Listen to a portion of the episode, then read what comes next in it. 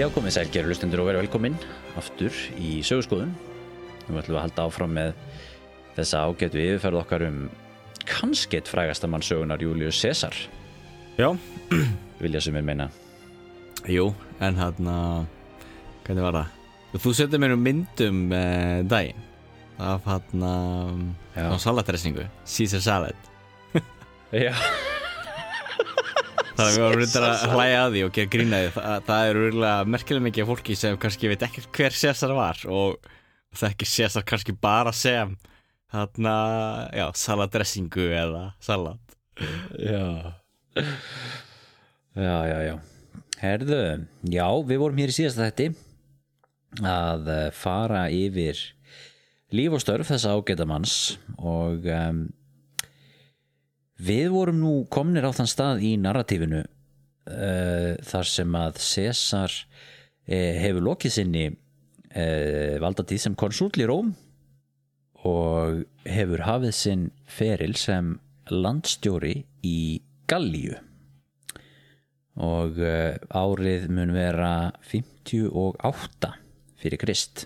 Jep, og, um, og þá valdi hann sér hérna Gallia Cis Alpina eða Gallia hérna megin við já stóli kekkið sinni þetta er allt svona Cis og Trans og En mér finnst líka svo að þetta segir svo mikið um rómverðina rómverðarnir svona staðalímyndin, það er auðvitað þetta það er svona þeir eru ekkert að spá ykkur í heimsbyggju og velta fyrir sér ykkur hugsunum eins og, eins og ykkur heimsbyggju og spá eitthvað í svona grunnstruktúrin í heiminum og hvað það er eins og grikkidunnsuptingin rómverðum er bara svona, það er eh, veist, hernaður, gera þetta er skilvirt og hægt, hægt er, veist, það er byggingarlistin það er bara svona gengi hreint til verks þannig að þú sér það eins í nöfnunum þeirra allir með Já. sömu nöfnin og svo er ein, eins þetta, þetta er eins með spán veist, það spán nær og fjær já, þú veist, það galja nær og fjær. Já, já, já. His- Hispania ulterior. Hispania citerior það, það er ekkert fyrir að reyna að vera eitthvað frumlegur eða taka upp einhver nöfn þau þetta voru fullt af einhver nöfnum yfir þessu svæði. Gallia Cis Alpina er eða Kís Alpina sem maður ertu nú kannski að segja. Það er um, það sem við köllum í dag á Norður Ítalíu og uh, nær yfir í það sem við köllum í dag fyrir uh, Suður Frakland og, og við, í, á Suðuströnd Fraklands uh, sem að Marseille er og, og það er unni bara strípan með frá ströndinni þar voru rómverjar búin að koma upp prófinsu sem að hétt Gallia Transalpina eða Gallia hinum megin við Alpafjöll Já. og oft ne, kallar það svæði líka bara held ég uh, Provingia eða eitthvað slíkt veist, uh, Já, einmitt, Provincia Nostrum eða eitthvað, Já. okkar. Það er bara hér að Gallian- okkar eða svæðið okkar eða Já, eitthvað slíkt. eitthvað svo leiðis, já, viltu ég alveg. Og setna hétt þetta Narbonensis, var það ekki? Jú. og það er senna í, í dag heitir ekki hluta þessu, er þetta ekki Provence eða hvað sem maður á að reyna að Já. segja það á fransku Já, já, já. Og um, César er þarna landstjóri og svo deyr hann þarna gaurin sem er yfir Transalpinu þannig að hann fær það líka. Þannig að hann svona er orðin uh, stjórnandi yfir rómösku Gallíu. Og þessum tíma sko alltaf Gallia er náttúrulega það sem við köllum Frakland í dag og Belgíu og Sviss. Mm. og þarna byggu keltar þarna voru ekki komnir þeir Já. frakkar sem við köllum í dag en, en náttúrulega því að frakkar eru samsóðningur af rómverjum og keltum og fröngum sem voru germanar en á þessum tíma þá eru rómverjar búin að stjórna Gallia að Gallíu við Norður Ítali og í Suður Fraklandi það lengi að þetta var orðið mjög rómvest svæði þannig að töluðum en latínu uh, kannski sem annað tungumál eða jafnvel fyrsta tungumál og, og var orðið, orðið mjög svona rómaníserað svæði strax á þessum tíma. En hins vegar voru mm, stöðu vandræði með þessa gallísku eða keltnesku þjóðflokka sem byggu þarna fyrir norðan í, í það sem við köllum í, í dag mið Frakland, Sviss og svo frammeins það voru að gera árásir voru, voru, voru með skærur og svo frammeins og það var litið á Galla sem ógn við Rómaveldi. Já. Og, og síðan líka spilaði inn í þetta að hann bláði vart með keltana sko, keltarnir höfðu ráðið yfir gífurlega stóru landsvæði. Þeir höfðu ráðið yfir stórnuta spánar uh, Bertland segja um það sem við kallum Frakland í dag Þískaland og alveg langt, langt austur. Það var meira þess að keltar allt austur til í Tyrklandi. Ráðið Síðan- yfir er náttúrulega svolítið Já, já þú veist, keltnest fólk kelt, keltneskir ættbólkar. Já, Og- byggu Já, sem byggu og, og, og stýrðu þessum þarna er að tala náttúrulega löngu fyrir Rómaveldi já, já, já, bara rétt eins og það að þjóðverjar uh, voru meirluta hópur í stórun luta austur-Európu uh, á miðöldum og, langt framöttir er náttúrulega voru allir ræktið tilbaka eftir setni heimstyröld en allavega það hefði verið að síga náttúrulega mjög undan hjá Kjelton hægt og rólega þannig að og, og, og sérstaklega náttúrulega germanarnir sem hefur verið að pressa þannig að það var líka ákveðin ógna germanarnir oft heldu yfir Rín og, og heldu síðan suður eftir og keltarnir áttu mjög erfitt með að berjast við germanin og þannig að það var líka ákveðin ógn við, við sjálf á Rómaborg þetta er rauninni sama og við sjáum sko setna þegar veist þjóðir sko þegar germanir er að flýja yfir í yfir í Rómaveldi út af því að slafar er að pressa á þá að austan. Það er alltaf þessi, þessi dýnamíka ert með eitthvað þjóð sem er við landamærin og hún er að flýja undan annari þjóð sem er að pressa á þá. Já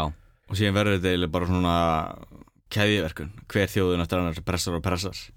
Já, En það sem er líka áhört með keltarna að, að keltarni voru já, ég í rauninu að há siðmentað fólk, þú veist, ef þú horfur á þú veist, þeir já, keltarni voru með eigin gjaldmiðil. Þeir voru með þetta, voru, voru mörg mismöndi keltnesk samfélög. Já, já. en konungar þar voru alveg að slá eigin mynd og, og þeir voru framlega vopn og ímsa gripi, skartgripi og svona og byggu í borgum og eins og nefndi líka suðluti var mjög litaður af rómurum já, það hafði verið svolítil borgarvæðing í Gallíu. Já, og þú varst alveg komið með nokkuð öfluð þéttbíli þarna sem er svona anstætt þessari hugmynd sem að maður hefur um keltana og gallana sem, sem svona ósiðmyndaða þjóð einhvern veginn já, í þessum kontrasti við rómverjana. En auðvitað er það náttúrulega líka bara vegna þess að þeir voru ekki að skrifa neitt. Já. Það er náttúrulega er uh, svona mínus. Það náttúrulega væri rosalega áhugavert náttúrulega maður hefði fengið ef maður hefði ykkur, já, hefði ykkur reytaðar heimildir frá þeim. En það er einmitt rétt, það, það vantar. Já, og við náttúrulega erum með auðvitað eins og við nefndum hérna uppafi lang besta heimildin sem við höfum um þetta gallastríð en náttúrulega bara frá Cesari sjálfum og hann nefnir fullt af þjóðum sem, sem að þú rómverjar þá vissum og höfðu nafn á skilur sem að við kannski vitum ekkert mikið meira um heldur en bara þessi þessar, þessar upptalningar í þessum, þessum skrifum hans. Já, Já, já, en um, og, og þetta er náttúrulega verður maður að lesa þá bóku þetta sem það sem hún er, það er náttúrulega fyrst og fremst hans réttlæting fyrir því uh, af hverju hann byrjaði stríðið. Og þá Já. sér maður líka til nefnis bara eins og eitt dæmi sem er áhugavert sem skín alveg gegn. Og Rómverjarnir voru mjög uppteknir af því og, það, og að, að skrifa um uh, þá villimenn eða barbara eins og að kallu þá. Já, og Rómverjarnir notu alltaf eiginlega barbarana til þess að sko gaggrína eigið samfélag. Það var mjög áhugavert. Já, í því til dæmis að Rómverjarnir litu á siðmenninguna sem spillandi. Siðmenning hafði spillandi áhrif á fólk og allur munaður hafði spillandi áhrif á fólk og leitið til þess að hernaðargildi vektust og menn urðu uh, veikari og lélegari. Þannig að til dæmis þegar hann skrifar um galju þá talar hann um það sko að um, lélugustu gallarnir, lélugustu hermennir veikasta fólkið það Já. er það fólk sem er næst rómverjunum og hefur tekið upp mest af rómverskum síðum, drekka vín já, og svona einmitt á meðan að til dæmis þá sterkustu það eru hérna belgarnir í þá, það sem er í dag Belgia nýðurlönd það svæði, þeir eru náttúrulega Já. fjärst frá og þeir til dæmis le leifuðu ekki að hérna flytja inn vín og svona svo auðvitað ma- maður náttúrulega verður að lesa þetta með gaggrínum augum þá getur vel verið að þeir hafi líka verið að þamba vín öllum dögum en, en, en það er svona áhvert að sjá svona hvernig Sesa þarna er að nota þá þessa ættborga líka til þess að gaggrína hlutina heima fyrir. Á meðan að germanarnir sem voru þá algjörlega ósiðmentaðir þeir ræktu ekki einu svona korn það var bara kjött og mjólk sem þeir lifið á uh, ekki, valla svona einhver siðmenning þú veist, það eru, voru lang, lang bestu hermennir Já, já, það var svolítið svona fyrirmyndin? Gott dæmi með þetta er auðvitað þegar hann talar um sko ekki alveg upphafi stríðsins það er kannski komið fram í annan eða þriðja kabla sko þá talar hann um Ari Vistus sem var germansku stríðsherra þá frá Germaníu sem hafði sest að e, vestanmein við Rín inn í Gallíu sem að Gallar höfðu bóðið til sín. Og þá var hann einmitt að segja sko í, í held ég í tengslu við það sko að gallar voru áður miklir stríðsmenn. Já, en nú voru þeir út eins og rómaniseraðir að þeir höfðu ekkert róð við þessa germani. Þannig að hann þurfti núna að fara og slást við hennan Ari Vistus þessa germansku sem voru kominir hann yfir. Og þeir voru miklu miklu öflur í stríðsmenn sko. Já. Já, já, og það er einmitt líka áverð að gallastriði líka byrja svolítið út af þessu því þetta helveti fólki sem bjóð þarna í vesturluta Sviss já, að það ákvaða að hérna, halda frá Sviss þá og halda inn í Gallíu og, og setja stað þá á okkur nýjum svæðum þetta er kannski svona í mi- miðju Fraklandi eða suðurluta Fraklands og þá einmitt notaði hann það sem sko réttlætingu fyrir því þá að uh, hefja þennan galju herna sinna því þá var það hræðslan við að þetta fólk myndi mögulega vilja halda áfram og ógna Rómaveldi og, og þetta fólk hafði meðal annars sigrað sko rómverskan her áður. Og hafði sigrað held ég hvort það var ekki langa afa tengdaföðurs Césars þannig að það var líka já, helvítis helvetar sko. já, herðu, eitt við þetta sant sko þegar maður lesum þetta það er aldrei merkild hvernig þú notar tungumálið sko, hvernig þú notar orðin. Að sko við höfum skriflegu heimildirnar frá Rómverjónum sem líti á sig sem siðmenta og hina sem barbara. Og sko það er alltaf talað um ef að Rómverjar leggja undir sig sem um Spán eða, já, eða eitthvað þá talað um innrás það talað um hernað það talað um innlimun og svo framvegis. En ef að sko þessar svo kvöldu barbaraþjóðir sem við erum ekki með neina skriflegar heimildi frá ef að þær gera það sama, gera innrásin í Rómaveldi þá það talað um sko þjóðflutningar setjast að, flytjast. Í raunin- rauninni eins og þú talar um dýr eða hjarðir að dýrum sem er að færast já, já.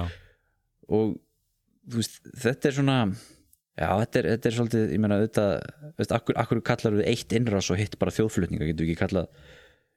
Þessu tölum um þegar rússa löðundi sig Sýberju, skilum við tölum um það sem hernám og innrás sko Já, en náttúrulega eins og með Rómverjan að jú, síðan stopnuðu þeir sumar eitthvað af nýlendum og svona. En náttúrulega megnið að sem rómversku herminu náttúrulega vildu fá landsvæði heima í Ítalíu. Það var ekkert allir sem Já. vildu vera staðsettir ekstra úti í nýju svæðunum. Á meðan að þessir ættbólkar gerðu það ofta þeir tóku með konur og börn. Já, og þú getur þess lesið um það í gallastriðuna þeir gerðu það að þeir tóku með sér uh, konur og börn meira þess að á vígvöllin Þa- og settu í, í vagnarna kannski höfðu fyrir aftan sig og þannig að það væri engi möguleiki á því að hörfa. Þannig að núna var það bara annarkvort að sigra þennan rómverska her sem þeir voru berjast við eða þá að þeir myndu deyja og þá myndu rómverðinir ná konum þeirra og börnum og, og gera þrælum. Þannig að já, þetta var oft svona allt eða ekkert hjá þessum ættbólkum og til dæmis helveti fólkið César allan segir það að þeir hafa undirbúið sér 2-3 ár að rækta korn, uh, sapna saman byggja, og síðan brendu öll þorpin sín öll hús. Brendu ok. allt þannig að það væri engin möguleiki að snúa aftur heim. Þannig að núna þurftu bara að setja fullan kraft í það að sigra til þess að geta síðan uh, lagt, lagt svæðið undir sig og, og byrjað aftur. Og þau gerðu þetta oft þessar, þjóður að, þetta, það voru heilu samfélögin sem heldu á stað. Já þannig að þannig er César komið ástæðu og það var mjög mikilvægt fyrir hann í sínum skrifum um, um þetta. Og kannski hefur það verið mikilvægt líka í rómveskum stjórnmálakúltúr uh, kannski svolítið og í okkar samfélum í dag að þú verður að hafa réttlætingu fyrir stríði. Já, og þá gat stríð gat verið ólöglegt og löglegt og þú þurfti líka að hafa uh, svo, já, senatið skilur sendi menn í og menn gá- fengu blessum frá sin og það er svo skemmtilegt eins og þú varst að segja allar þessar reglur og líka, líka þetta sem að hann, hann þurfti að velja um að fá sigugöngu ekki hann þurfti að býða fyrir utan borgina því að hann mátti ekki koma inn með her og svo framvegis. Setna meir auðvitað þegar hann mátti ekki koma til Ítalíu með herin uh, þegar hann var komin aftur frá Galju allar þessar svona skemmtilegu reglur sem ekki svona laga og reglusamfélag.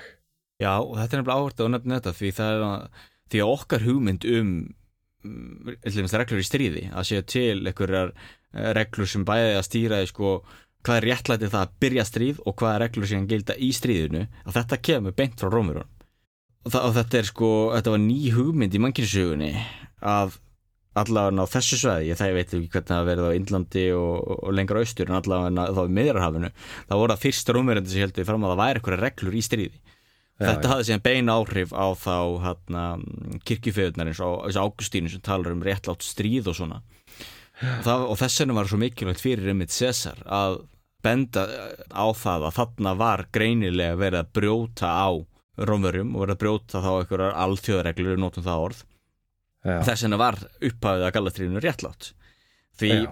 það voru menn heima fyrir í Rómborg sem sökuðan um það að vera að byrja stríð sem hann hafði enga rétt á til að byrja því þetta alltaf voru síðan gífurlegar valdheimildir sem hann tók sér að vera að kalla út herrmenn og, og uh, nota eigi fétir sem byggja upp þetta enga hér og síðan að ráðast á þetta fólk sem jú, ógnaði svo sem auðvitað Rómaborg og jú, ógnaði svo sem bandamönnum Rómverja en var kannski samt svolítið á gráu svæði. Já, sko, ef maður kíkir hans á stöðusessa svo þessum tíma, hann er gríðarlega vinsallja fólkinu, hann er gríðarlega góður ræðumadur, hann er rosalega klár og, og gáaður og svona en, en, en svona stjórnmála elitan fílar hann ekki og óttast hann. Já. en hann náttúrulega auðvitað hugsaði leng, lengar það, hann sé hann fyrir sér ok, hérna get ég orðið ríkur og þú líka komst inn á þetta með að hann var svo skuldur Já. Hann var alltaf stórskuldur krassus öðrum og þarna gatt hann orðið mjög ríkur og hann varð feikilega ríkur þegar upp á staðið á þessum galju leðungri sínum. En það sem líka áhugart meðan César sko er hvað hann er svona eða var samansettur út að því hann var svona mikil munaðarsekkur líka. Eh, stórluta því okkur á skuldu var að hann var að kaupa rándýra þræla sem, og það var þá að kaupa sko gullfallega þræla. Hann var að byggja eða lit byggja fyrir sig sko glæsilega villur og byggja eina villu og sem var hann ekki nú ánað með hann þannig að hann eitthvað rífa hana strax aftur til að byggja hann bara nýtt. og ég allavega hana svona sem var mjög, mjög sérstætt alveg sko sóaði því líku fyrir veistlur og mat og, og eitthvað klæði og eitthvað munað.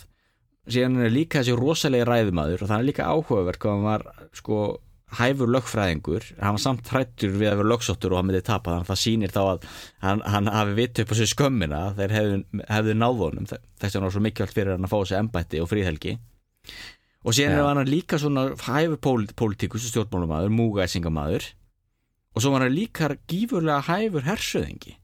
Þannig til dæmis þegar hann fór til Galju þá með hernum sínum þá voru vist margir í Rómaborg sem voru spendir og ég herðum líka sjá hvað þessi munarsekkur myndi gera. Þessi kall sem var búin að liggja í veislum og svalli í Rómaborg.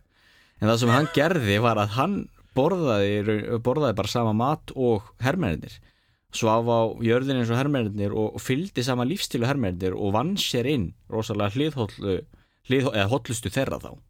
Já. það er svo áhugavert þegar að, að vera með einstakling sem er svona samansettur sem er svona algjörlega. eða svona paradox eins og leti Já, þetta er mjög áhugaveru karakter. En við þurfum kannski ekki að fara í smáatriðin í þessu stríði en við getum sagt að basically lagðan undir sig alla galju uh, á uh, 8 árum, hefði ekki 58 Jú. til 50 sem að þessi stríð eiga sér stað. Uh, þetta voru hérna helvetar og svo kemur á norðar, þar eru belgar og venetar á Brettagníu skaga.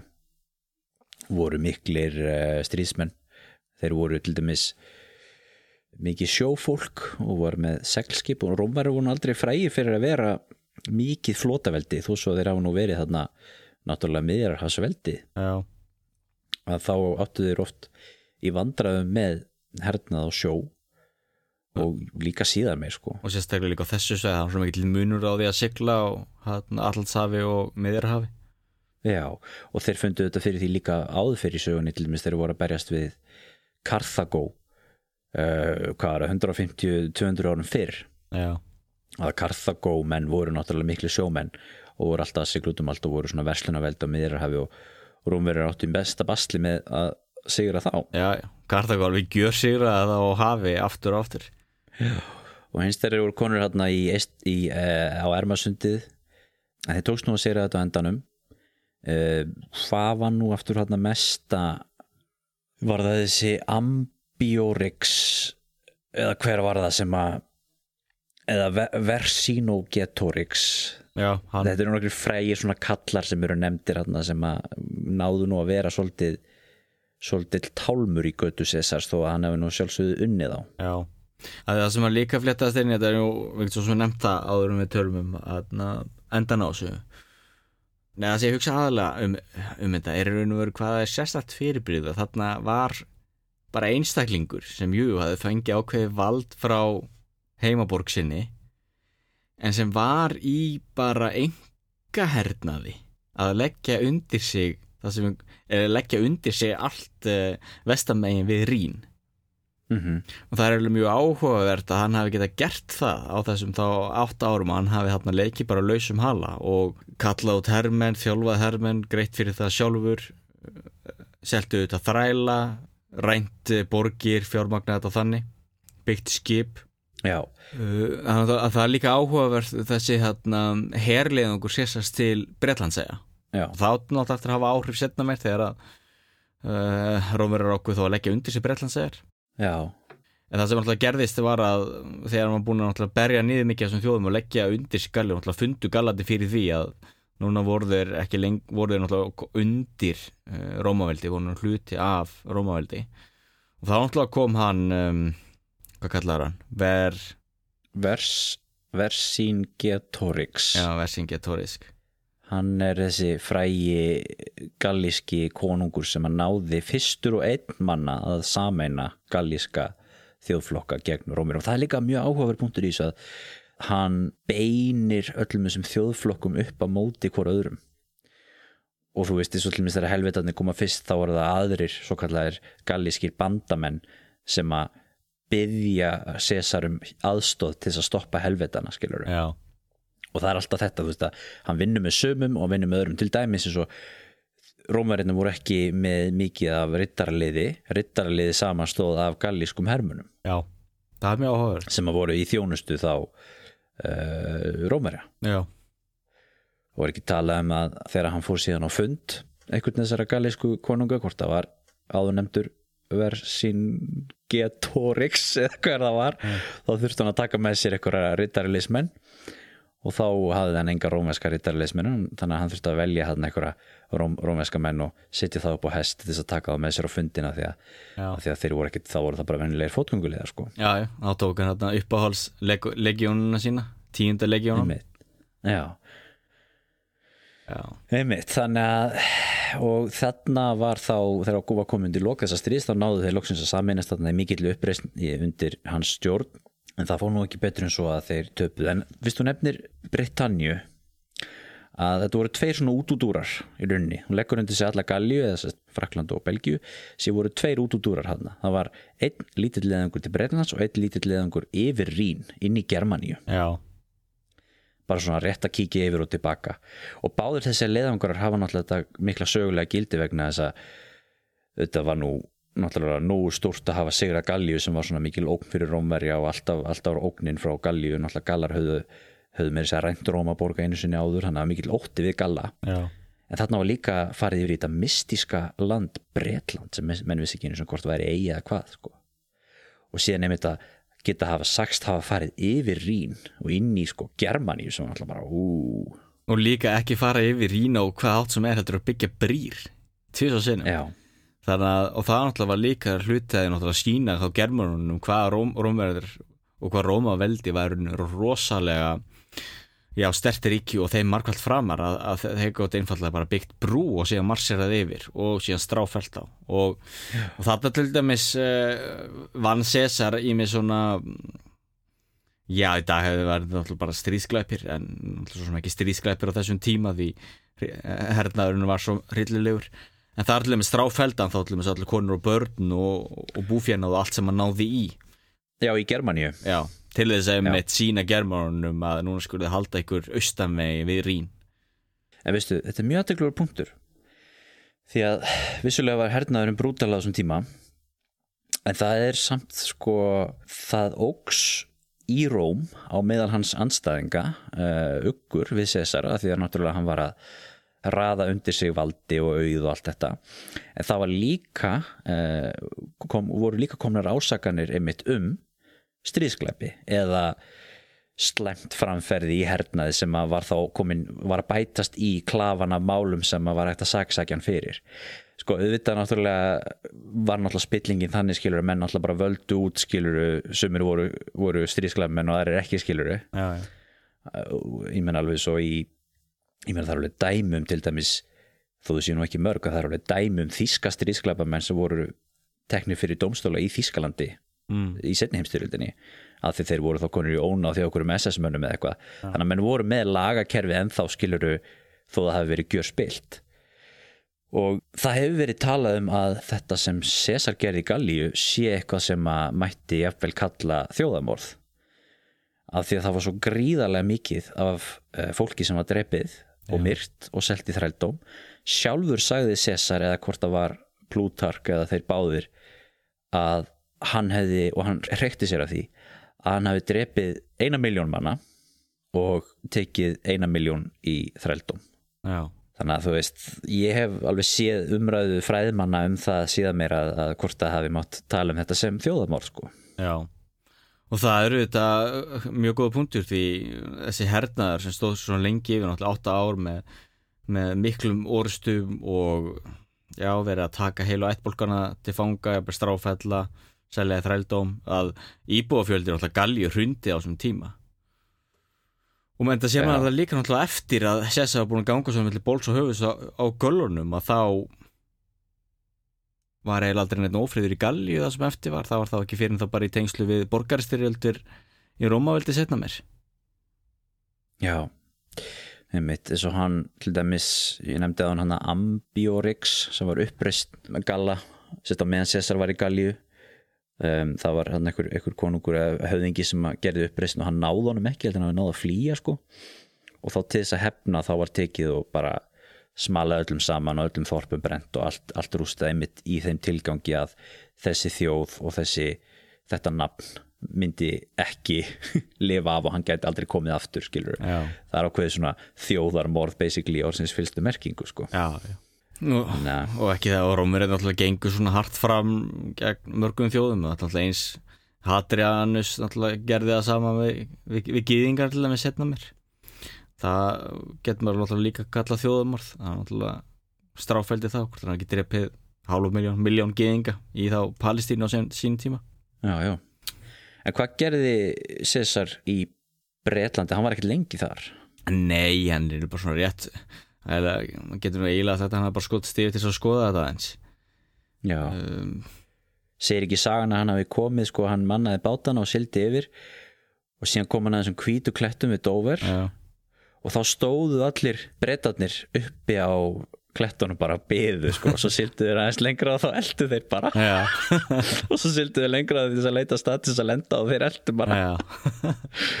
Og þeir náttúrulega það, hann náttúrulega hafði einhverju orustu og lendi saman við, við fólki sem bjóðna og hann lýsir veginn sem svo að þeir hafi málað sem eitthvað svona bláum lit sem var uh, sem rómursku her, hermörun fannst mjög villimannslegt og ógnandi.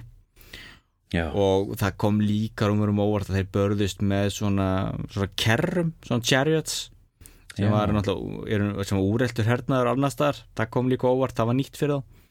Þannig að Mm. náttúrulega var svona mistist og framandi. Þannig að en það sem að Július Cæsar líka var duglegur að gera það var að stappa stáli í, í hermennina sína því, því sko rómursku hermenninni voru líka auðvitað mjög hrettir oft við þetta fólk sem voru að berjast við til dæmis oft germannina. Já, já, voru eða oft lístan í heimildum voru til dæmis hrettir þegar þeir vissi það að þurfti að berjast við germanni og þá var eh, Cæsar að góður að halda ræður og tala við þá og ennfremur það sem það líka gerir Cæsar svo sérstakann að hann var líka rosalega hæfur sko hermaður, hann var ekkert bara hersöðingi.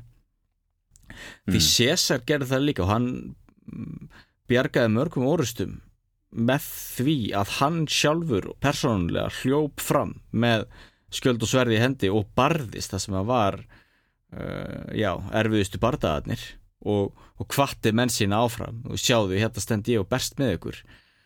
Það, og það er náttúrulega oft mjög svo jók um, já, baróttumóðin og, og bjargaði orustum og til dæmis í orustunni við hérna Alísju þar sem að Verkindatorix var innilokaður og, Rómverjarnir voru búin að inniloka hann og svo komu aðrir gallar sem að, að utanfrá og aftur að um reyna umkringja Rómverjana þannig að Rómverjarnir voru reynir umkringdir sko. Já. já. Og við erum að tala um gífurlu fjöldi manna og Rómverjarnir voru kannski 60-70 þúsund og gallarnir voru kannski um 100 þúsund. Mm. því að Rómverjarnir voru alltaf að berjast við fleiri. Byttu, byttu Gallarnir lokuðu sig inni. Já, Rómverðinir sátu um þá eins og í svona hefðbundu um sátri já, byggðu virki kringu þá. Þá koma aðrir gallar aftan að þeim Já. og þá múra Rómverðinir sig inni. Já, þannig að þú ert með umsátur inn í umsáturinn já, já. Og það var allir með svo rosa harðir bardaða þar þar sem meðal annars fólk, fólki var sendu út og, og, og, og, grátbað Cæsar um að fá að fara í gegn þegar að byrðirna voru verða búnar til dæmis. Þá mm. voru konur og börn en þá síndi einmitt eh, Cæsar já, þess að síðan að hann þverneitaði fyrir það. Þannig að hann alltaf notaði þá þarna eh, sveltandi fólk sem uh, vopn. Já, þá hluta því af hverju Vergitatorix þá síðan gafst upp.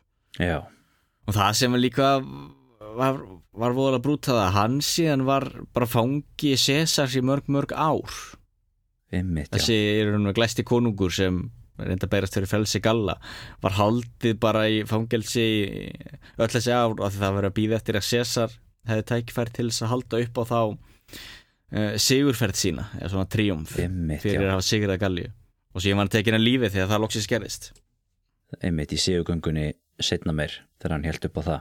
Mm. kom betur á því eftir. En hann um, Vercingetorix. Já, mjög erfitt með að bera þetta nafn fram. Já, mjög er þetta berða ég veit ekki heldur nákvæmlega hvernig ég bera þetta fram en hann er nú, hefur nú svolítið, svolítið sess í sögu frakka sem svona þjóðarhetja. Aldrei merkileg líka því að hversu mörg okkar heldur til að hafi sína ímynd af rómverum og göllum frá Ástrík og Steinrík. Já, nákvæmlega. Það er einhvern veginn þessi mynd sem maður hefur í haustin þegar maður er að tala um þetta. Já, já, og ég mynd César eins og hann er teiknaður upp í því líka. Já. Það er að fyrsta sem eh, poppar upp í hérna, hausinu á mér þegar ég heyri, heyri þetta. Og, og þess vegna var mikilvægt að tala um það gallarnir hafi ekki verið svona hvað við segja, svona, svona vanþróðar eins og þeir eru síndir þar. En, en það er samt alveg mynd, það er myndinu þetta sem flestir hafa. Já, já, veit algjörlega. Herðu, César orðin ríkur maður mjög öflugur með, með, með stóran her sem að er uh, hundtryggur ánægðir og sattir hermenn. Og hvað er að gerist í Róm? Sko, við tölum um þrývelda, nei, þrýstjóra bandalagið uh, Já. César, Crassus, Pompeius þessir miklu herramenn. Þeir komu saman þegar fimm ár voru liðin af prókonsúl embætti Césars í, í Gallíu og uh, komu, komu sér saman um það að halda áfram þessu sam, sam, samstarfi sínu í fimm árið viðbót. Uh, hvort að Crassus fekk Sýrland var það ekki? Jú. og Pompei fekk Spán eða eitthvað svo leis Já, En það er nú aðeins, byrja nú aðeins að uh, fjara út vinskapurinn þegar að fyrsta leiði þegar Crassus deyr og svo náttúrulega þegar dóttir Césars sem var gift Pompei já, deyr. Við vorum reyndar ekki búin að nefna það en þeir voru, hann var rauninni tengdafæðir Pompeiusar. og, og, og dóttir hans hétu þetta Júlia, en ekki hvað Emo. Þannig að þegar hún deyr þá byrjar að fjara svolítið undan þessum allan að vinskap á milli Pompeiusar og Césars og hann býður honum eitthvað aðra konu í fjölskyldinu til að giftast og hann neitaði því. En Crassus, ríkasti með sögunar dauði hans er nú mjög symbolískur fyrir það. Já, mikill vill meira.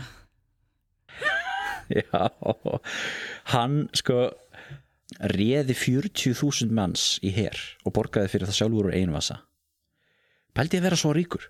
Já, hugsa sér. Heldur að ríkustu menn heims í dag myndu geta gert það? Það er alveg spurning, hvað ætli Elon Musk getur ráðið marga málulega.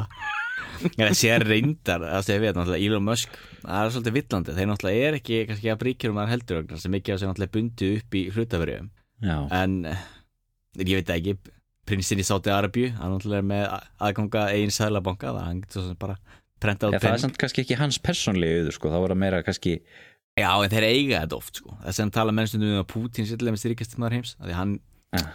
á kannski, eða svona áeilar nokkur neginn sælabanka í Rúslandi, hann gert það sem hann vill En kannski geti Elon Musk hérna, tekið lán fyrir þessu við, við í, í Tesla Ráði 40.000 málulega allar að Krassus, hann, hann á peningin og hann á auðinu en, honum vantar hennan hernaðalega svona glamor sem að Cæsar og Pompei Já. Þannig að hann ákveður að fara í smá, smá hæmintýri austur í Parþíu sem er austan við Sýrlanda sem við köllum í dag. Já, hvar eru þeir ekki? Írak og, Íran. og það er eitthvað Já. og til að gera langa sögu stutta þá tapa þeir þessari orustu. Og Krassus er tekin fang, til fanga og, og það er held niður sjóðandi brettu gulli og njan og uh, hann er hálsökvinn mikið niðurlæðing fyrir Rómverja Já, var það ekki heimið þannig að þeir tóku alveg fullt, fullt af einhverjum svona svona, svona Gunnfánum gunnfánum, já. Já. já. Það er orð sem notar að- eiginlega aldrei það er ekki mitt í alveg gunnfáni, já.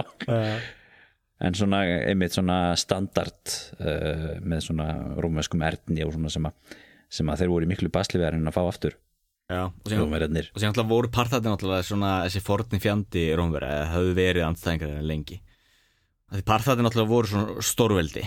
Já, einmitt. Þannig að það fer að fjara undan þessu, þessu minnskap og um, Pompeius situr eftir í Róm og hann er þarna fer svolítið að, að fjarlægast sessa náttúrulega og fer að verða svona svolítið varðhundur íhaldsins, það er að segja gömlu senatorana og, og, og, og valdastjættarinnar í Róm sem var alls ekki að fíla Cæsar og byðu eftir að myndi koma heim til þess að geta saksóttan Já. og losna við hann. Og þá, var maður, þá var og verið staðan svo þá eftir galastriðið að Sessa náttúrulega eh, var náttúrulega ekki fara að fá nein embætti þannig að hann var fara að missa fríðhelgina þá þyrfti hann að snúa tilbaka til Rómaborgar sem óbreyttur borgari. En enda, fyrir ekki, enda þetta ekki með því að Pompei, Pompeius let undan þrýstingi frá senatinu og að því hann var þá konsul, ekki, Mhm. og let kallan officially heim.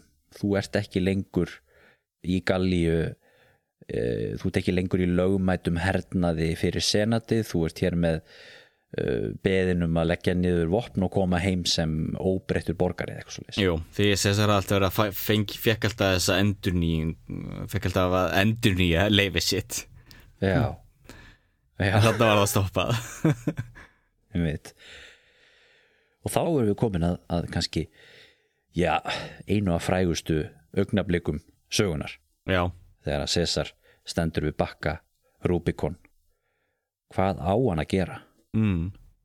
Já, það er bara málið, þú veist að ef maður horfir á það sem hann stóð frammi fyrir jú, fylgja reglunum, en alltaf reglunum voru gjör spiltar, jú, jú, halda heim til Rómaborgar og aðtöku hvað gerist þá en, en hann alltaf var vissi hvað hann var með í hendi og hann alltaf var með allar þessar legíónur sem voru hliðhóllar honum hann hafði Já. alltaf upplifað sjálfur uh, hvað aðeirur höfðu gert í svipuðum aðstöðum með Súla til dæmis og Marius og, og Já. borgarastriði sem var í kynnslóðinu áður Hann, og, það sem, og þá kemur líka annar svona hlutur af því hver, hver, hver Cæsar var. Hann var eiginlega svolítið svona, svona gambler.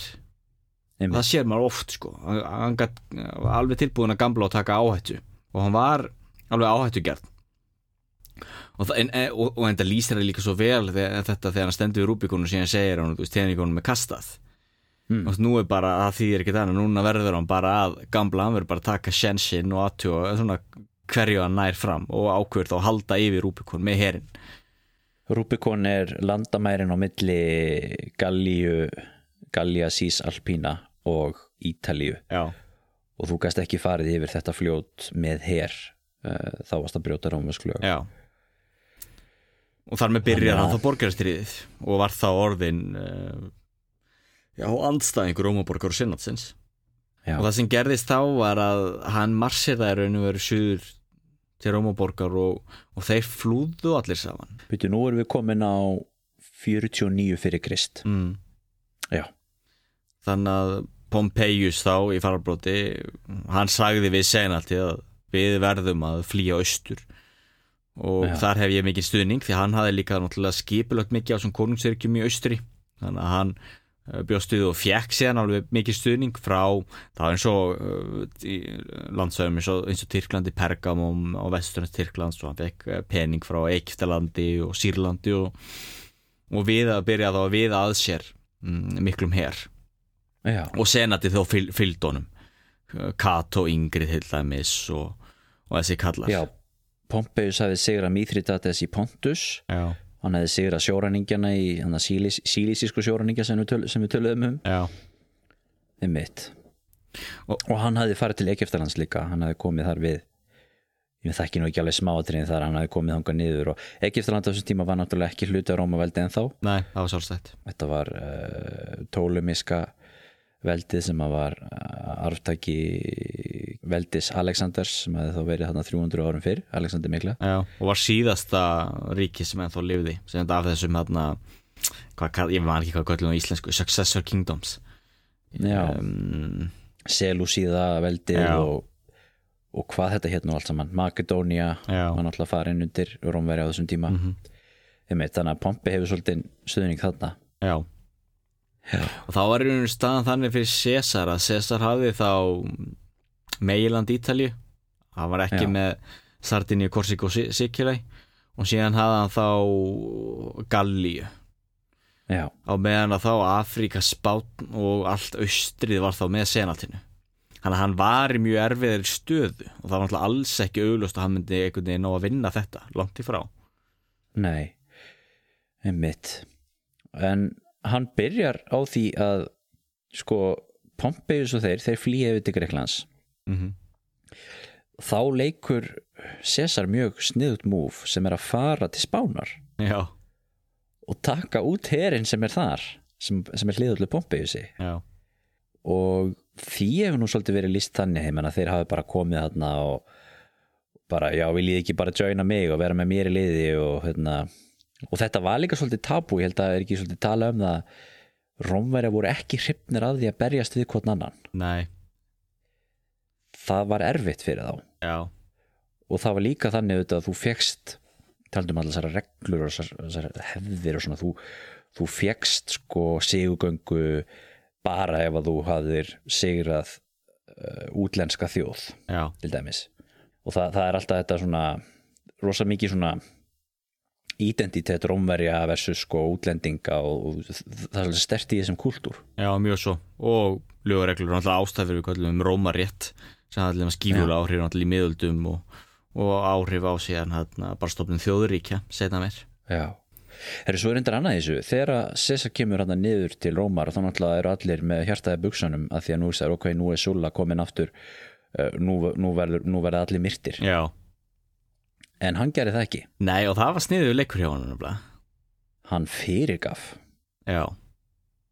En síðan er spurning sniðut og sniðut, jú, hann fyrirgaf en og þannig náttúrulega fekk hann marga sem aftur til yfir á sitt band. En þegar hann svona fyrirgaf þá náttúrulega hagaði hann sér sem konungur. Og það voru Já, já, margir já. sem brúðust mjög illa við því því konungdæmi og verið kallað sko Rex konungur. Já, það var alveg bannað í, í, í Róm. Sko rómverska líðveldi náttúrulega eða Rómaborg var konungsríki áður fyrir í fyrndinni. Mm og hafði steift þarna síðasta konungnum og orðið í líðveldi þannig að það var mjög viðkvæmt mál fyrir Rómverja. Algjörlega. Þannig að það var svona menn áttu alveg átt, áttu erfitt með það að hann hagaði sér of mikið eins og konungu með því. Það átt eftir að já, stinga hann upp að ekki setna mér. Beti, Er þetta ekki ykkur fræg saga hvaðan kemur þessi hugmynd hérna með sko ég er svo valda mikil að þú veist, ég get gefið líf skilur, ég get það er ekki bara það að ég get tekið líf, þú veist, ég get drepið alla sem ég vil, mm. það er líka það að það, það er eins og sem er valdamestur, hann getur sko þyrmt lífi, já, sko já, hann ekki hvaðan þetta kemur. Til dæmis þetta náðar hugtak sem við notum svo mikið í kirkjunni. Já, þetta kemur sko á sér langasug og kemur eiginlega frá einmitt eh, þessum konungsríkjum í miðusturlanda þar sem að sko orðin svo frelsi og, og réttindi og svona ja, íbúandi réttindi, ef maður notar eitthvað þannig, eitthvað náttúruréttindi var eh, óhugsandi, ekki, ekki til heldur var einmitt þetta vald konungsins. Það var, þau réttindi svo hafðir hafðir bara vegna konungurinn hafði gefið það. Já, já, það er alveg svona fyrirmyndin af þessu náðarhugtaki í biblíunu þá að Guð er þá í því hlutverki einmitt. Þannig að, það, það er áhugavert veist, er, er það náttúrulega hluti af einvaldskonungi er ekkert bara að taka heldur líka að gefa. Já, nákvæmlega. Þannig að Jésu, nei, Jésús César uh, fyrirgaf uh, sínum óvinnum og ekki, segir ekki sagan að hann hafi komið til Rómaborgar og þar hafi verið einhverju örfáir hermenn eftir sem stóðu þarna bara og byggði eftir að vera teknar að lífi og hann sagði við þá bara gjöru svo vel að endilega komið í herri minn eða þið getur bara farið til Pompeiusar og Já. ég hitt ykkur setna og þeir bara, "Ó, ok. Og það er einmitt, þetta fyndi að gera grína þessi með spán, þú veist, það var eiginlega svona, jú, ef maður slæðir svo svolítið upp í grín, veist, það var eiginlega svona, já, strákari, ekki hætta þessu og bara vil ekki bara vera með. Já, það, það er mjög mikilvægt fyrir hann líka því að hann er sko uh, hann vill ekki sko, hann, hann, hann vill hafa löggildingu í því sem hann er að gera. Já, það er mjög mikilvægt fyrir hann að fá smá snefil af löggildingu. Já, þannig að hann mála sig upp og ég er að vernda líðveldið Mm. þeir eru spiltir og vondir. Og náttúrulega reyndi að gera þetta eins blóðlust og hann gat, til dæmis, það er áhugart með spánar herrferðina til dæmis að hann marseraði og létt uh, hersveitir sína marsera mjög mikið til þess að sko uh, ná að ma koma fyrir andstæðingar til dæmis og loka þá af. Þannig að, þannig að reyna að þvinga þá þessar uh, hersveitir sem að berjast gegn þvinga er til þess að um, fara inn í þær aðstæður að þeir áttjörinu verið engan sjens á að sigra. Í staðin fyrir að bara safna sér inn í liði og bara ráðast á það og þurka það út að þá frekar að nota svona ég veit ekki hvað maður getur gett svona reyfihernað þetta svona maneuver warfare. Já, já, og, og, og sem tókst að þú náttúrulega getur gert það. Það er allir með áhugart það sem ke- var hérna mikilvægt enginn til dæmis uh, uh, miðald nei, endurreistar hernaðar til dæmis á Ítalju að það snýrist mjög mikið um einmitt svona. Að þú reyndir að ná sem bestri stöðu gegn anstæðingnum þannig að anstæðingur væri eiginlega svona hálf vonlausir í eh, vonlausum aðstæðum og þannig getur þú unnið án þess að þurfa að berjast. Því náttúrulega Já, hver já. orust er náttúrulega kostari þó þú vinnir hana, það missur alltaf menn og tíma og, og já, búnað og hvað það er svo þú missir. Já vorum við ekki aðeins inn á þessu þegar vorum að tala um strategi Jú, við, við gerum það. Þannig að hann vann mitt á spáni mitt með svona já, og þá gæti hann haldið aftur austur vegna þess að hann náttúrulega var með mun færri menn heldur en senatið Einmitt, var þetta ekki einn á móti tíu eða? Jú, ég geta fáralegu Þannig að liðsmur þetta var einhvern veginn algjört fjárhætt spil. Og það er einmitt þetta þegar maður sér svona þennan gambler í César. Einmitt, teiningunum var kastað. Já, en hann fekk tvær sexur, það er alveg hægt að segja það. Það er alveg að segja það. Herru, hann, hann fer á eftir Pompeusi Pompeusi komið til Greiklands uh, það var nú líka eitt gampl þarna þegar hann fór yfir uh, Adriahaf uh, það var víst þannig að það átti ekki að vera hægt að gera það á þessum árstíma að það aldrei verið gert áður. Hann gerði það bara samt og það tókst bara vel. Já, já, heppin. Mættur hann yfir með, með herin og e, senatið og Pompeius þeir eru alveg vissir um að þessi að fara að vinna þetta. Já, og þeir eru farin að plana bara já, já, hvernig ætlum við að gera þetta hvernig ætlum við að hérna, refsónum og hvernig ætlum við að hafa hérna, skiptingu valda þegar við komum aftur til Rómar og hvernig verða fjárlögin á næsta ári og eitthvað svona. Hver fær hvað embætti? Já, já, já, já.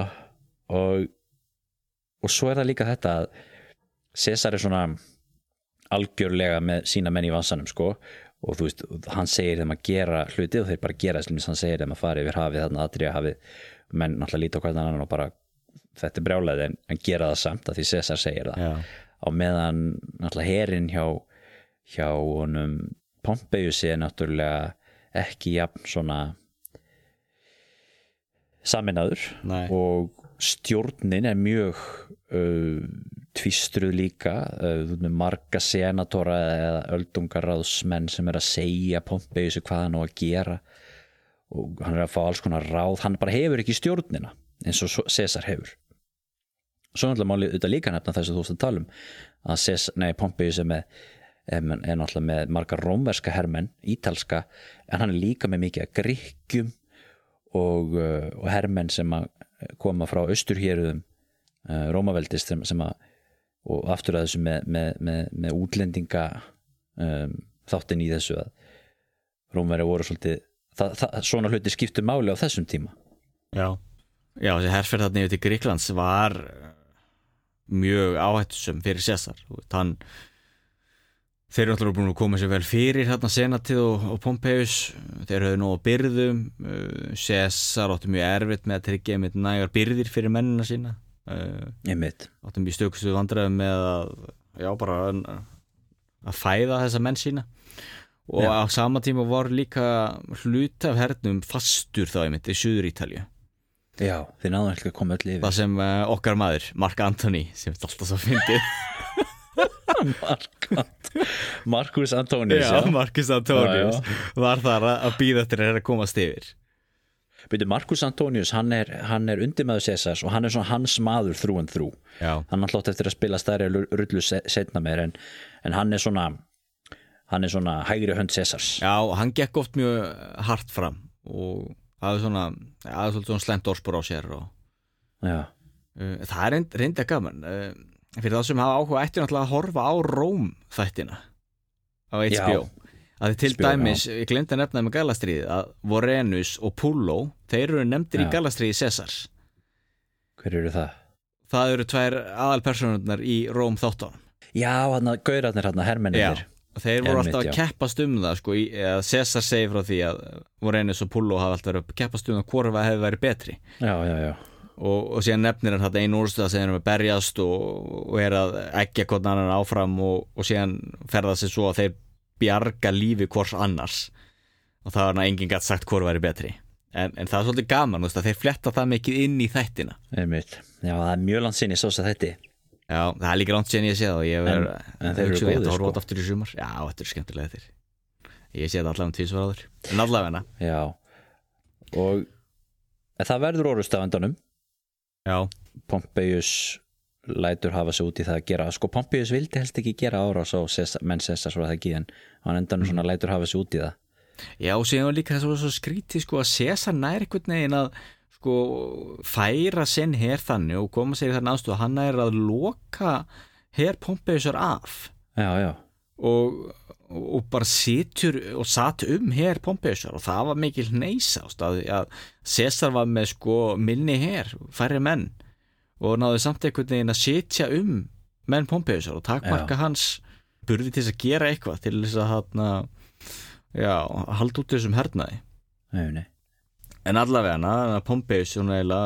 já, glutrar úr höndunum á sér þannig að það verður síðan þessi orusta við farsalus Já, þessi mikli hersöðingi Pompeius Magnus já, hann uh, endaði sinn merka herfóringja feril þarna og segir ekki sagan að hann hafi dulbúið sig sem þræl eða, sem óbreyttan hermann eða eitthvað.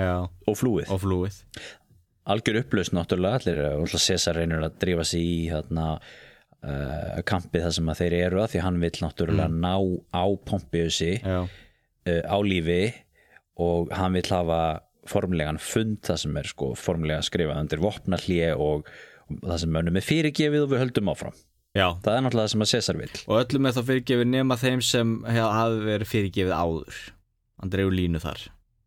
Já, einmitt. En það sem er líka áhugavert við þetta er að eftir á þá hljómar svolítið svona eins og að þegar við horfum á hlutina frá okkar samtíma þá hefur mér alltaf fullst að líta svo mikið út eins og að já það einhvern veginn voru bara örlögin að César myndi vinna þú veist að því César var svo hæfileikar í kuri eða hann hafði svo stóran hér og eitthvað þannig en það sem er svo áhugavert eins og núna þegar ég verið að lesa meir um þetta þá var César oft eiginlega bara hárspreitt frá því að tapa öllu.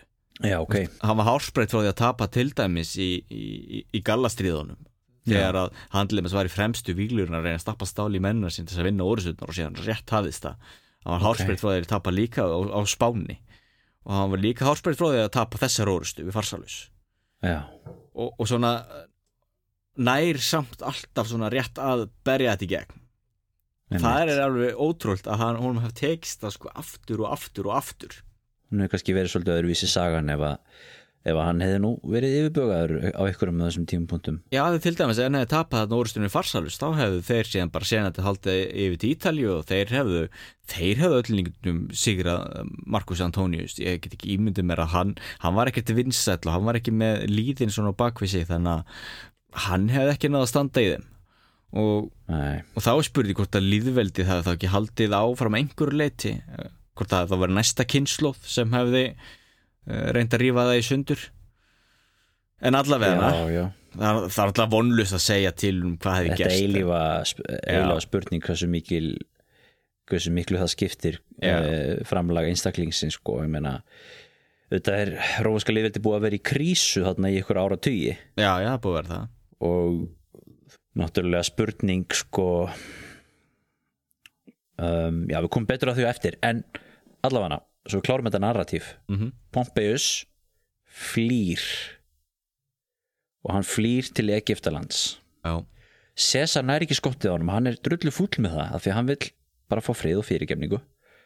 Þannig hann eldir hann til Egiptalands hvað gerist í Egiptalandi? þá er henni hefst nýr kapli í þessum, þessari sögu sem er svolítið merkilegur. Og sákabli er alveg ótrúlegur því þetta sem maður aftur það, er aftur til uh, setur eiginlega Cæsar allt að veði.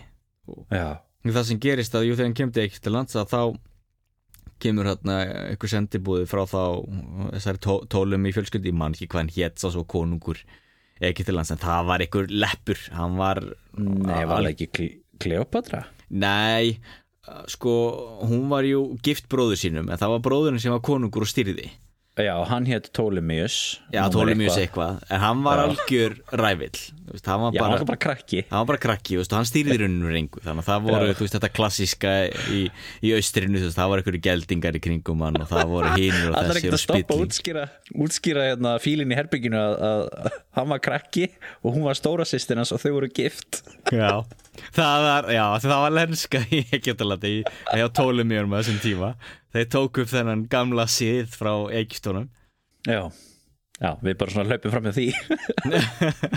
Já, það var svo eðlilegt. Já, mjög eðlilegt sko. Já, en allavega, þau voru í deilum með mynd, þannig að Kleopatra var eitthvað staðar fyrir utan Alexandriu með þá sína menn og, og svona.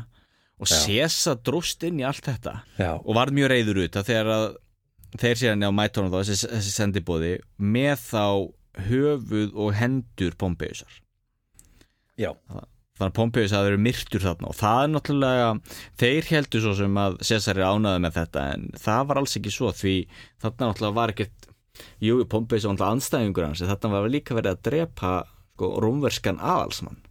Nákvæmlega. Og náttúrulega Já, sko, auðvitað getur maður sagt það sko að náttúrulega í sögunni um þetta og í því sem að Cæsar vildi láta hafa eftir sér og hvernig hann lét þá náttúrulega var hann rosalega reyður og sagði þetta var konsul og þú ættir ekki að drepa hann. Og, hann, og líka það auðvitað, hann var vinnu minn og hann, og hann vildi fá uh, að fyrirgefa honum og halda áfram. En náttúrulega auðvitað á sama tíma þá auðvitað hlýtur hann að hafa hagnast á þessu að, að losna þarna við þennan mikla óvinskilur og alveg svo hann hefði bara dáið af náttúrulegum orsökum staðar hefði það verið þægilegt fyrir hann að Já, halda já. áfram án hans það er alveg góða punktur auðvitað er ólíklegt að Pompeius og Cæsar hefði einhvern veginn getið orðið vinir upp úr þessu. Nei, nei, en það var nú eitt sem að leta ekki fyrirgefa sér. Mm. Kato, Kathó til dæmis, já, já, hann gaf sér alls ekki. Hann framdi sjálfsmorð frekar Já. heldur en að láta fyrirgefa. Já, hann gerði það. En síðan það sem gerist þá þarna ég talað að Cæsalja draga sig inn í allt þetta og fór einhvern veginn að reyna að já, blanda sig inn í stjórnsýstinu í Egyptalandi og kynntist Kleopötru og, og fjall fyrir henni og, og þau eignuðist jú barð saman. Hann- var hann ekki alveg heil lengi þarna í Egyptalandi? jú, hann var tölvöld lengi og það sem er svo ótrúlegt að þetta setta hann alltaf veði því það sem gerðist að þarna var allavega Cæsar búin að sigra líðveldið uh, leiðtögi þess að sko mikla hernaðaveldis en að því hún lá svo á þá tóka með svo fáa hermenn já, að líðurinn í Alexandriu síðan mm, brjálaðist og gerði uppreist vegna þess að Cæsar var búin að taka til fanga hennan uh, Ptolemeus. Þannig að Cæsar var innilokaður inn í Alexandriu og var bara setið um hann og uh, var í raunverulegir hættu bara við að drepin af móknum og Já. það er alveg ótrúlegt að, veist, að þessi maður að hann hafi tekið svona mikla áhættu. Já, já, þarna var, að þarna allt innu hekk allt bara á bláþræði. Einmitt. Þannig að það sem gerðist síðan var að uh, það kom hér frá sko Pergamum. Já, og þessi gamla sveða það Mithridatis hafi verið og, og þeir komi erlendur hér og bjargaði Cæsar frá múknum í Alexandri og Eikistónum já, ok. Þannig að það var ekki einu sem sko rómarska leikjónum sem kom og björguðunum einmitt, Og- hefði getað farið illa hann og hann var að þá drepin þessi Ptolemaeus og, og Kleopatra tók þá við. Já, og, og stýrði þá síðan Egyptalandi og hún eignast þá síðan hennar strák hérna Cesarion eins og hann oft kallaður. Já, litli sessa má segja að, að þessir atbyrður hann og kannski það sem gerist setna meir þá með Octavianus og þetta allt saman það eru þeir atbyrður sem að færa uh, Egyptaland inn í Rómaveldi eða ekki, Jú, einmitt en þetta eru ykkur tvö áraðna sem hann er hann hann snýr aftur til Róma borga 46 eða 45 já, og tekur þó Kleopötru með sér já. sem sína hjá konu. Já, konu og svo fagnar hann þessum sigurum sínum og loksins tekur á lífi hérna greiðan Vergin og Torix eða hvað hann hétt Já, einmitt, já, sko hann, hann heldur fjórar sigugöngur sko þannig er hann orðið náttúrulega bara algjör mistari alls og búin að fyrirgefa öllum hann og að halda áfram og hann fær fyrst að vera diktator í tíu ár. Breyti því síðan í diktator uh, perpetua eða að eilífu. Við ætlum að koma að hérna, við vorum að tala um Sulla sko, að, eða Sulla að um, þetta diktator fyrirbrið svolítið aðtegluvert að því að í þessum þessari rómesku stjórnarskrá eða þannig má orðið, orðið komast auðvitað ekki neitt niðurskrifa blað en svona þessar reglur sem að lífveldinu er stjórnað eftir þá höfðu þið náttúrulega þennan öryggisvend til að geta búið til diktator í smá tíma á meðan það var upplausnar ástand eða eitthvað svoleiðis. Og þarna er Cæsar orðin diktator að eilífu. Diktator átti náttúrulega bara að geta verið í sex ára og meiri segja Sulla sem að var diktator í man, man ekki hversu lengi hvað var einn áratögu eða eitthvað hann um, sagði af sér þeim titlu og hætti þannig að þarna er auðvitað sem þú varst að koma á þann að með, með, með rex eða konungshugtækja hver er munurinn á diktatora eilífu og svo konungi? Þetta var svona stjórnarskrálegt málefni sem var svolítið erfitt fyrir Cæsar og hans menn. Hvernig ætlar að réttlæta þetta? Hver er munurinn á þessu að vera kongur? Já, já. Hvernig var það? Var ekki haldin, var ekki hluti af hátíðarhöldarum með mitt þarna í Rómaborg að, að fólki byrjaði að kalla Rex og hafi bóðið um titilin og hann afþakkaði hann síðan. Jú, sko, hann var sko, hann náttúrulega var myrtur spoiler alert ári setna held ég.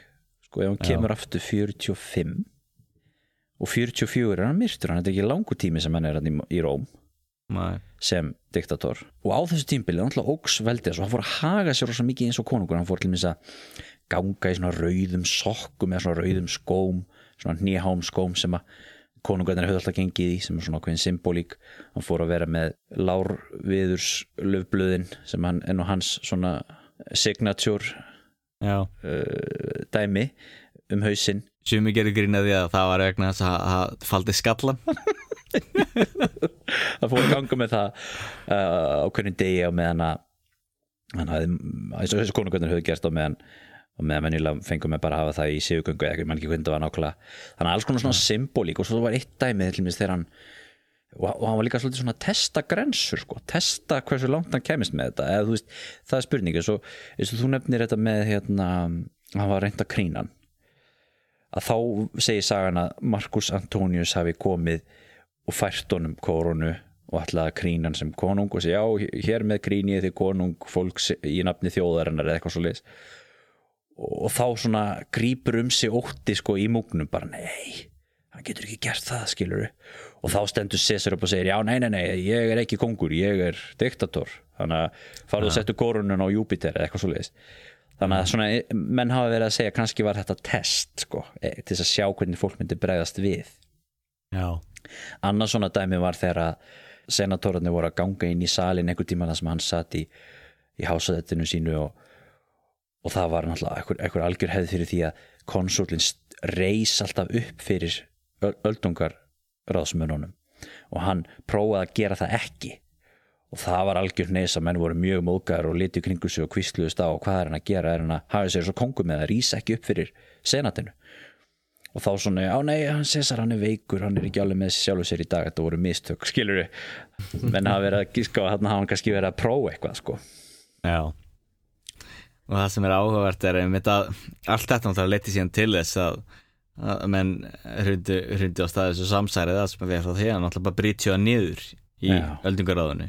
Já, það sem er áverð náttúrulega síðan að mm, Octavianus það Augustus náttúrulega passaði sig lærði náttúrulega af þessu öllu og passaði sig að hafa sér aðeins öðruvísi þegar að hann síðan tók, tók við til þess að forðast þetta. Já, einmitt. Þó það sé náttúrulega önnur saga en Já, það er einmitt var aðeins meiri svona balans á milli keisarnas og, og senatsinn sem átti síðan eftir að fjara út á næstu öldum. Já, svona hægt og rólega. En það sem er líka áhvert við það meðan Cæsar var að, að brasa öllu þessu að, að þá var hann náttúrulega líka undirbúa nýjan herlaði okkur. Já, og það er áhugavert, þú veist, að búin að leggja undir svo öll þessi svæði og með svona glæ, glæstan eh, já, feril á bakvið sig. Að þá ætlaði hann þá einmitt að halda austur og sigra parþana og náttúrulega hefna þá Já. krassusar og, og já, þeirra nýðulegingar sem um, Rómaveldi varð fyrir já, þeirra hendi já, þetta var var þetta ekki þannig að hann var myrtur 15. mars og hann átti að fara 18. mars til partíu eða eitthvað svo leiðist, þannig að þetta var bara síðasti séns fyrir þá til þess að drepa hann áður en hann færi í ykkur þryggja ára leiðangur eða eitthvað svo leiðis Það er eiginlega ótrúlega, ótrúlega líka því að hann að margt sem betur til þess ef hann hefði náða að sigra þá ætlaði hann náttúrulega að leggja undir sig þó Írak og Íran og halda síðan þar norður og eða, eða hvort hann ætlaði að koma tilbaka og halda norður gegnum Kaukasus og þá sjöu hluta Rústlands og þáleiðin og norður fyrir Svartahaf og heim. Er að þannig að hann var allan var búin að skipuleika ri- rosa leðangur Já, ok, ef þetta hefði hérna, hefnast þá hefði nú sagan kannski farið einhvern veginn öðruvísi síðan meir þegar þú veist með þessi endalusu stríða milli, milli Já. persa og, og austurómverja og allt þetta sem að sé rátt þetta já. en þetta er ekki tægt að segja til um það náttúrulega en Nei, nei, en sagan segir líka að Cæsar þegar hann var um 30 hafi hort á sko hann sé stýttu af Alexander Mikla. Og, og fundi fyrir minnumáttakend því þegar Alexander Mikli var í að gáðan hlónum þá var hann búin að leggja undir sig persaveldi á meðan að Cæsar var ekki búin að orka miklu þá þannig að það var svona hluti að því þannig að maður getur alveg ímyndað sér að Al Alexander Mikli hafi verið kannski eitthvað á bakvið þá, þá drauma að halda austur. Hversu miklu voru viðbúinir að áorka um 30 dólur það er nefnilega það. Það, það sittur í. Manni þessi drýmanni en herðu aðtegluvert með arfleið Cæsars af því að sko, sagan minnist hans sem mikilsmanns vegna þess að hans legacy var náttúrulega haldið uppi eh, og sagan á hann var jákvæð eftir á. Náttúrulega það var uh, Octavianus sem hann tók við þarna eftir hans dag og úrvart keisaradæmið og hann fær svona hennan jákvæða sess í sögunni þrátt að hann hafi verið myrtur. Og Octavianus náttúrulega kallar sig Cæsar og, og svo náttúrulega Augustus og þannig kemur þessi, komið þessi orð inn í þetta eins og við höfum komið að hérna oft áður og náttúrulega sakfræðingan sem er að skrifa um þetta náttúrulega skrifa um hann svona hann hann er ekki list sem vondu manni í sögunni, ég meina hann fær jákvæða arfleði í sögur, í sögur Rómar eða ekki? Jú, jú. og svo er þetta að því vorum að tala um hérna með sko fall lífveldisins og þú veist og það hefur verið langur aðdraðandi því og hversu, miklu, hversu mikið hlutverk spilaði César sjálfur í því og svona sko. Að því að sko þessir sagnareitar hérna Plutark og Tacitus og svona þeir komu og legg söguskoðun sem að hefur haldist lengi sem að er svo að César hafi ekki verið fyrsti keisarin heldur hafi Augustus verið fyrsti keisarin og það er rauninni bara svo söguskoðun sem að menn hafa haldið í uh, og þá, er það sérst hugmyndin að sko César var síðasti diktatórin í rómanska lífveldinu en ekki fyrsti keisarin í rómanska keisaradæminu. En svo getur maður þetta spurt sig sko, þú veist hver er munurinn sko? Já, já. og þetta voru aðrir sagnarittara sem að litu öðruvísi á en svona þessi sögurskóðun sem hefur verið svona þessi sem að hefur ríkt í gegnum aldirnar sko. Já. af því að uh, það, þetta er náttúrulega ákveðin þróun líka bara á Já, löngum tíma. þetta er það. Þetta er náttúrulega ákveðin þróun.